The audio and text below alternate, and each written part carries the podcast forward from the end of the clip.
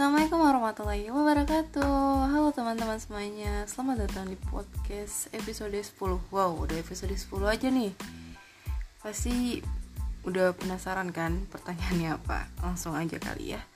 Pertanyaan kali ini adalah Sebutkan empat unsur pokok yang menjadi pembeda antara suatu sistem ekonomi Islam dan sistem ekonomi lainnya ini aku langsung jawab aja ya. Jadi ada empat unsur pokok nih. Yang pertama kepemilikan dalam Islam. Dalam pandangan Islam pemilik mutlak dari seluruh alam semesta adalah Allah subhanahu wa taala. Sementara manusia hanya mengemban amanahnya. Yang kedua maslahat sebagai inisiatif ekonomi.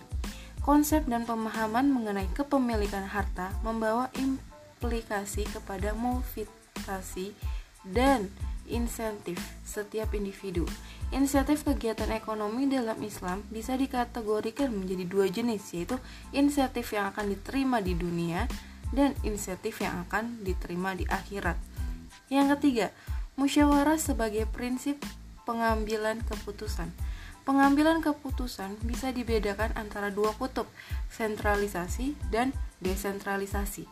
Sistem sentralisasi menekankan bahwa pengambilan keputusan dilakukan oleh satu otoritas yaitu pemerintah pusat dan agen ekonomi hanya berperan sebagai pelaksana pengambilan keputusan.